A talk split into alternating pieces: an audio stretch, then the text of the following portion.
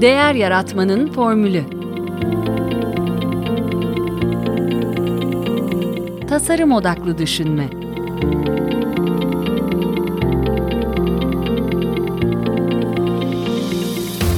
Merhaba, ben Mete Yurtsever. Değer Yaratmanın Formülü Podcast'ın ev sahibiyim. Bugün konuklarım Değer Yaratmanın Formülü Kitap Kulübü'nün e, değerli üyeleri. Biliyorsunuz e, bir kitap kulübü kurdum. E, podcast'imde işlediğim konular çerçevesinde kitaplar seçtiğimiz ve okuduğumuz. Geçtiğimiz çarşamba akşamı ikinci buluşmamızı tabii yine Zoom üzerinden gerçekleştirdik. Malcolm Gladwell'in Blink kitabı üzerine konuştuk. Bu bölümü kaydetme amacım ise e, kitabın özetini yapmaktan çok size kitap kulübünün reklamını yapmak. Biraz konuştuklarımızdan alıntılar yaparak sizi bu verimli ve keyifli paylaşım ortamına çekmek. Sohbetimiz e, yeni okuyacağımız kitap seçimi de dahil 75 dakika kadar sürdü. Dolayısıyla burada e, küçük bir kesitini almış olacağım. E, her ne kadar izinlerini almış olsam da isimleri bilerek belirsiz bıraktım. Katılan herkesin e, düşünce dünyamızı zenginleştirdikleri için tekrar teşekkür ediyorum. E, önce e, kitap konusu hakkında kısa bir bilgi vereyim isterseniz. E, kitap davranış psikolojisi alanında temel kitaplardan biri sayılabilir. Aldığımız kararlarda sezgilerin ve derin düşünmenin veya mantığın diyebiliriz rolünü sorguluyor. E, bilim insanları yapılan çalışmalarda birçok konuda beynimizin aslında çok kısa sürede saniyeler içinde e, hüküm verdiğini, vücudumuzun verdiği bir takım sinyallerden yani bilinç düzeyine varmadan dahi e, sezgi dediğimiz bir yargı oluşabildiğini tespit ediyorlar. E, kitabın ilk mesajı bunun bazı durumlarda bizi doğru kararlara yönlendirebileceği, e, ikinci mesajı ise e, sezgilerimizin de yanılabileceği, e, dolayısıyla gözümüzü açık tutmamız gerektiği, e, sonucu olarak da sezgilerimizi nasıl kontrol edip lehimize kullanabileceğimiz hakkında. Tabii bu da e, dile kolay ama e, uygulaması zor bir ifade. E, o yüzden e, kulüp üyelerinde belirgin bir ayrım oluştuğunu gözlemledim. E, bir yanda aradığını bulamayanlar ve okumayı sürdürmekte zorlananlar, diğer yanda da çok faydalandığını söyleyenler. Biraz onlara kulak verelim şimdi isterseniz. E, ben de genel olarak daha fazla keyif almayı beklerken biraz hayal kırıklığı yaşadım kitapla ilgili. Sanıyorum net bir reçete vermesini de istiyoruz. Yani peki ne yapalım kardeşim hani. evet çünkü çünkü çok fazla girdiğiniz gibi çok fazla uyarınımız var. Birazcık evet. daha böyle işin hap gibi olmasını istiyoruz. Evet. Tamam hani bundan sonrası ne? Bana ne faydası olacak bunun? Ben bunu nerede kullanabilirim? Evet, evet zaten biliyorum ki ilk izlenim önemli. Hani ilk izlenimi önemli kılması için nelere dikkat etmem gerekli? Daha fazla bana ne bulunuyorsun? Ya da ben ne yapabilirim? Bana buradan ne çıkar diye bakıyorum. Aslında her kitabı okurken ya hayal gücümüzü genişletmesini, bir şeyler katmasını ya da ben bundan ne öğrendim diye çıkıyoruz ya fayda analizi yapıyoruz kendi Hı. açımızda. Hı. Belki bu kitaptan o faydayı alıp kalkmadık. Evet doğru söylüyorsun ama Hı. ne oldu? Hı. Peki buna bir cevap verecek olan var mı? Bir e, bir ipucu yakalayan var mı kitaptan? E, ne yapılması gerektiğiyle ilgili? Merhaba, ben birkaç bir şey söylemek istiyorum. Ee, düşündüklerinin tersini düşünüyorum. Biraz da e, kitabı e, bu açıdan daha verimli bulduğumu söyleyebilirim. Yani çok da keyifli okuduğum kitaplardan birisiydi. Hı hı. Şimdi şöyle, e, biraz da aslında algılarımızı ve kararlarımızı e, bize anlatan, daha doğrusu nasıl karar verdiğimizi, karar verme sürecinde de e, bizim tam olarak zihnimizde ne olduğunu anlamamızı sağlayan bir, bir takım ipuçları vardı. Kitabı ben de severek okudum. Ee, özellikle bazı konularda örneklendirilmesi de benim hoşuma gitti açıkçası. Hı hı. Ee, psikolog Gosling'in öğrenciler üzerinde yaptığı anlık izlenimler deneyimi vardı e, kitabın başlarında. Hı hı. Beş kişilik envanteri. E, bu kitapta hı. aklımda kalan kısımlardan. Hı hı. Ben kendi açımdan e, değerlendirdiğimde de bu anketi yararlı buldum. Hı hı. Onu söyleyebilirim. Arkadaşımızın bahsettiği anlık izlenimler deneyinde psikolog Gosling, üniversite öğrencileriyle yaptığı testte öğrencilerin tanımadıkları kişilerin yurt odalarında geçirdikleri 15 dakika ile o öğrencilerin kendi arkadaşlarından daha isabetli kişilik profili tahmini yapabileceklerini ortaya koymuş.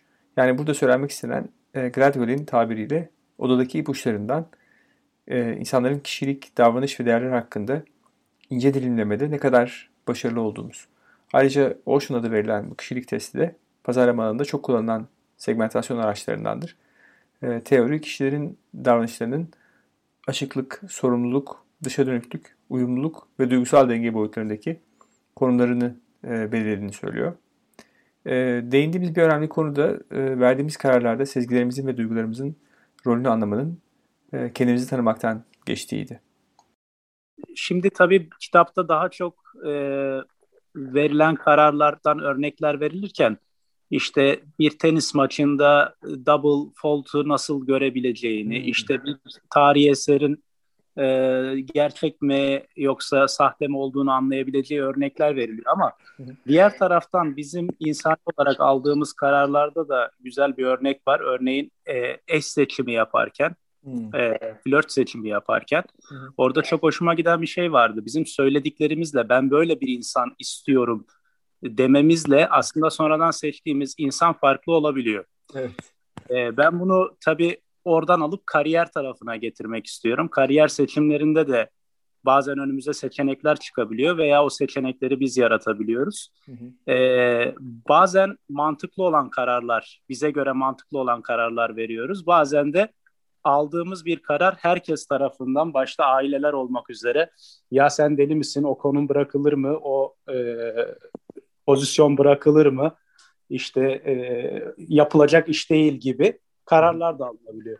Bunun sonucunda iki türlü durum çıkıyor tabii ortaya. Bazen haklı çıkıyorlar. Hı hı. Bazen de haksız çıkıyorlar ve haksız çıktıkları durumlarda işte biz bunu LinkedIn'den falan okuyoruz. Herkese rağmen başardım vesaire evet. gibi. evet, evet. Dolayısıyla şuna getireceğim. Ee, aslında bizim aldığımız kararlar ister e, içsel duygularla verdiğimiz kararlar olsun, ister mantıksal, sezgisel kararlar olsun. Bunların hepsi eğitilebilir şeyler diye düşünüyorum. Bunun eğitilebilmesi için de bizim değerlerimizin farkında olmamız, nasıl karar verdiğimizin farkında olmamız ve duygularımızı gerçekten anlamlandırabilmemiz gerekiyor. Biz duygularımıza isim veremiyoruz. Hı hı. Öfkeli miyiz, kızgın mıyız bunu çok anlayamıyoruz bazı zamanlarda. Hı hı. Dolayısıyla eğitilmemiş duygularla verdiğimiz kararlar da bizi başka yere götürebilir. Her zaman sezgisel kararlar bizi iyi noktalara getirecek demek doğru olmaz diye düşünüyorum. Kesinlikle. Ee, bugün bir arkadaşla tanıştık. Kafası karışık konuşurken öyle enteresan noktalara yakalayabilirsiniz ki aslında. Bu bugün dedi aslında birçok kere denk geldiğim bir şey bazen biz bir şeyler yapmak istiyoruz. Mesela diyorlar ki ben bu sürecin sonunda, koçluk süreci sonucunda şunu elde etmek istiyorum diyor. E, net bir şekilde e, kariyerimin parkurumu netleştirmek isterim diyor. Çok güzel. E, netleşmiş olan kişi kim dediğimde şu cümle çıkabiliyor ağzından mesela insanların. Ya aslında yine eski ben diyor ama ben bunu istemiyorum diyor bir ikileme düşüyor. Yani hani kitabın hangi noktasıyla bağlarız bilmiyorum. Açıkçası şu an bir şey kitapta yakalayamıyorum ama şey noktası var. Hakikaten o duygusal limbik taraftan gelen hikayeler e, zorlayıcı şeyler. Ve öyle enteresan ki yani e, ben artık şuna inanıyorum. Hani kendimi de insanları da gözlemlediğimde içinizde bir dürtü varsa o dürtüyle ilgili ee, hele de bir de birazcık kendinizi dinliyor, kendi bildiğiniz doğru olarak kabul ediyorsanız iç referanslık deriz buna. Onu haklı çıkaracak bir sürü bahane uydurabiliyorsunuz. Ama siz iç referans yerine dış referans dediğimiz birileri bir şey söyleyip onu almaya çalışıyorsanız o zaman işte hikaye karışıyor. O zaman çünkü içinizde bir şey var ama dışarıyla çek etmek zorundasınız. Çek etme noktasına geldiğinizde ya ailem şöyle dedi ama falan filan orada hikaye karışıyor. Yani kişinin bir tarafta sezgisi, güdüleri bir yere çekerken diğer tarafta kendince rasyonel olduğunu iddia ettiği bence. Çünkü dışarıdan duyduklarını toparlamak ya dış referansta hatta dış odaklı olmak ikisi bir arada korkunç bir şey. Hayatınız kabus olur. Ee, bayağı bir yollarda sürünmek demek. Kim nereye çekerse öyle. Burada en iyi nokta ben onun da tiyosunu vereyim. E, içinizde bir sezgi olsun ama bir cross check yapın dışarı dışarıyla bir şeyi kaçırmamak için. E, orada eğer bir şeyleri yakaladınız ya evet ben bu noktayı düşünmemiştim. Hı, bu benim için fırsat olur mu? Tehdit mi olur? Orada bir cross check yaparsanız ve içinizdekiyle eşleştirirseniz o zaman daha sağlıklı sonuçlar çıkar diye düşünüyorum. Bir diğer konu ise çok verinin her zaman fayda sağlamadığı Aksine bizi analiz felcine uğratabileceğiydi.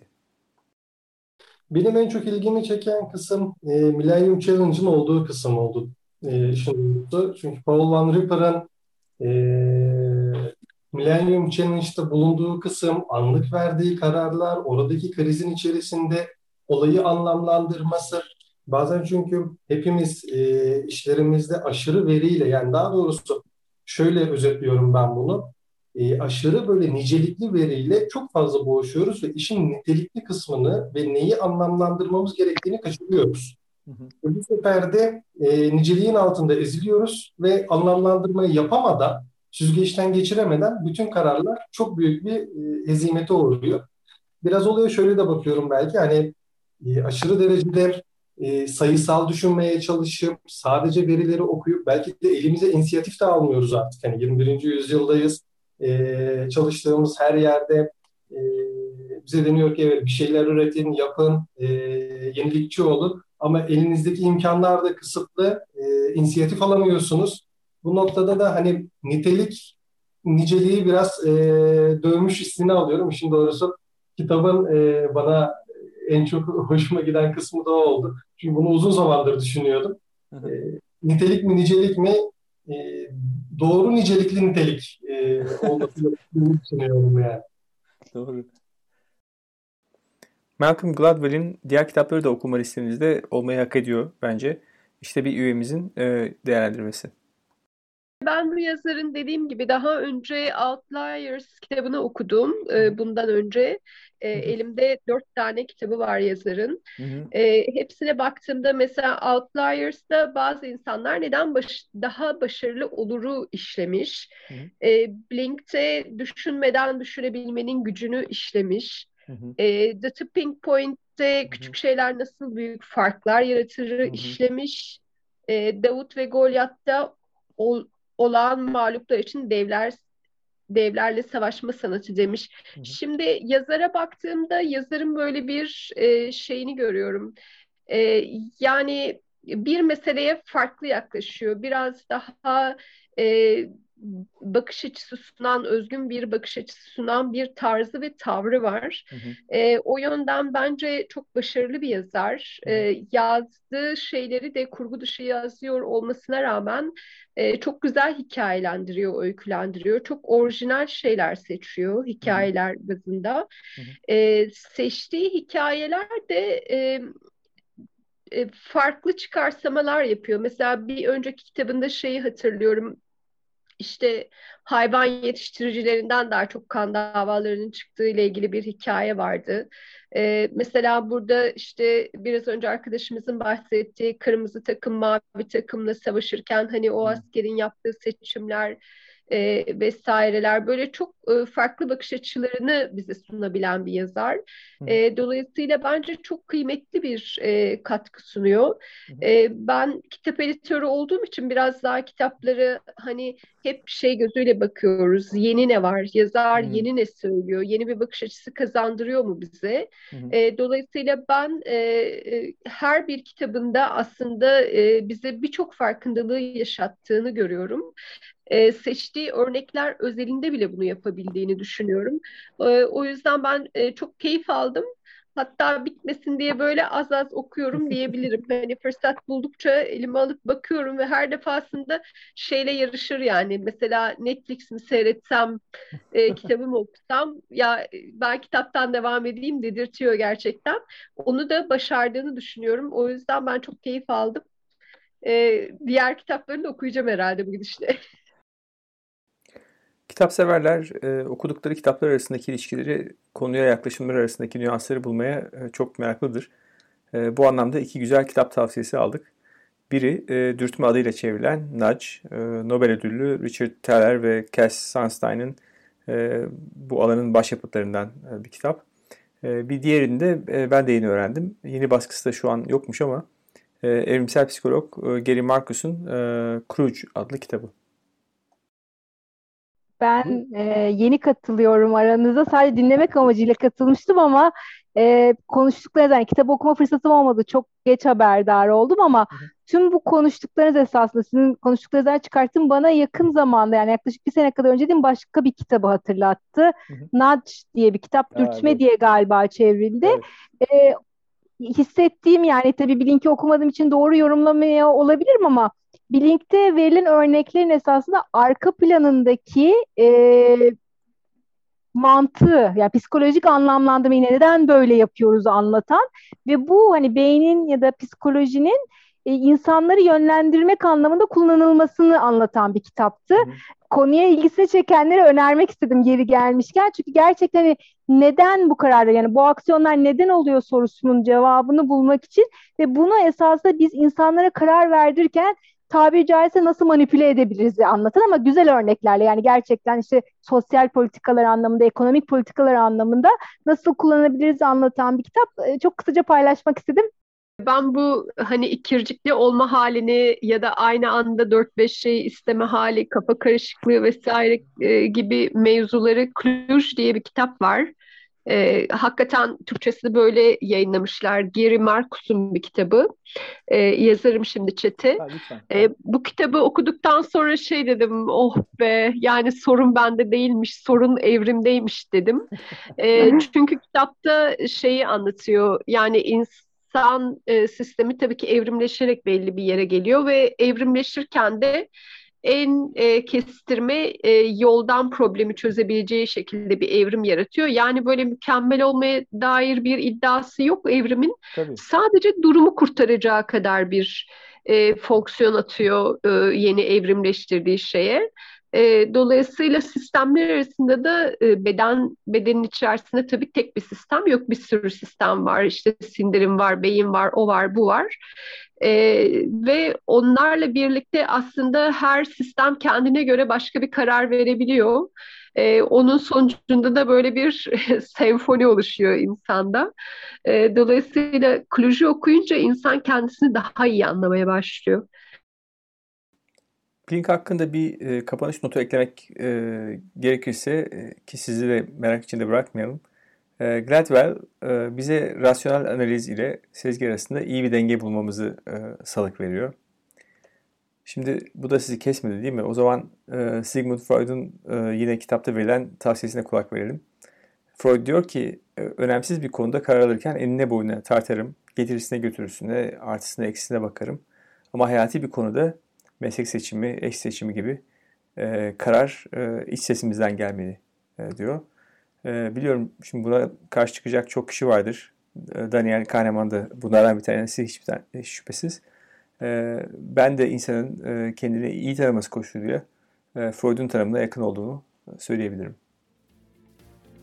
Bu podcast'te tasarım odaklı düşünme çerçevesinde hem yurt içinden hem yurt dışından kimi zaman davranış psikolojisi üzerine bir akademisyeni kimi zaman bir tasarımcıyı, kimi zaman bir iş insanını, kimi zaman da değişim veya inovasyon üzerinde firmalara destek veren bir danışmanı ağırlıyorum.